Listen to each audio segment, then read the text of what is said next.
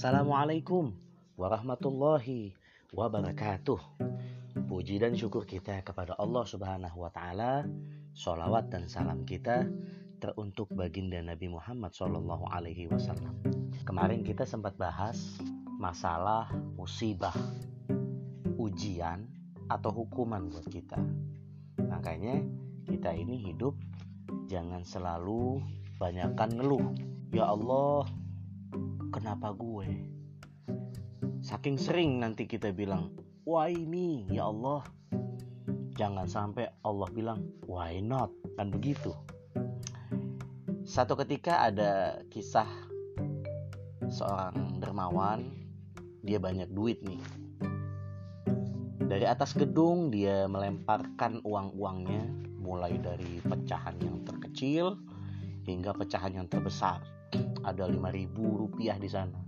Ada 10.000 ada 20.000 50.000 bahkan yang pecahan merah nih 100.000 rupiah. Nah di bawah gedung itu ternyata banyak orang berkerumun. Mereka lagi sibuk. Mereka memperbutkan uang yang jatuh dari atas tanpa ada yang peduli sumber uang itu dari mana. Nah, satu saat nih si orang kaya tadi, sang dermawan tadi, dia nggak lagi melempar dari atas dengan pecahan uang. Tapi kali ini dia melempar dengan batu-batu kerikil. Padahal orang lagi ngumpul di bawah. Dilempar sama batu kerikil. Lantas rame lagi. Loh kemarin kita dapat duit nih. Sekarang kita malah ditimpukin batu ada yang kena di palanya, ada yang kena bahunya, ada yang kena punggungnya. Lalu mereka panik dan mereka jadi marah gitu. Langsung mereka lihat ke atas. Mereka berusaha mencari tahu. Wah, dari mana sumber kerikil tersebut jatuh? Nah, teman-teman, itulah sikap dari kebanyakan manusia sekarang. Di saat kita menerima berkah atau hal yang menguntungkan. Di saat keberkahan itu datang, maka kita semua sibuk tanpa peduli siapa yang ngasih keberkahan tersebut. Dan sedikit sekali dari kita yang mampu berterima kasih, apalagi mengucap syukur atas hal yang menguntungkan tersebut. Tapi sebaliknya, bro, ketika masalah datang, maka semua spontan akan mencari sumber masalah dan biang keroknya. Wah, beda jauh kan?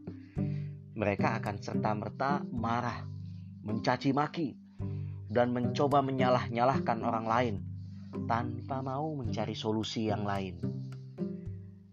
Apakah kita mau menerima yang baik saja, tapi kita nggak mau menerima yang buruk? Hidup ini sebenarnya udah satu paket. Iya, kita ini sudah satu paket, Bro.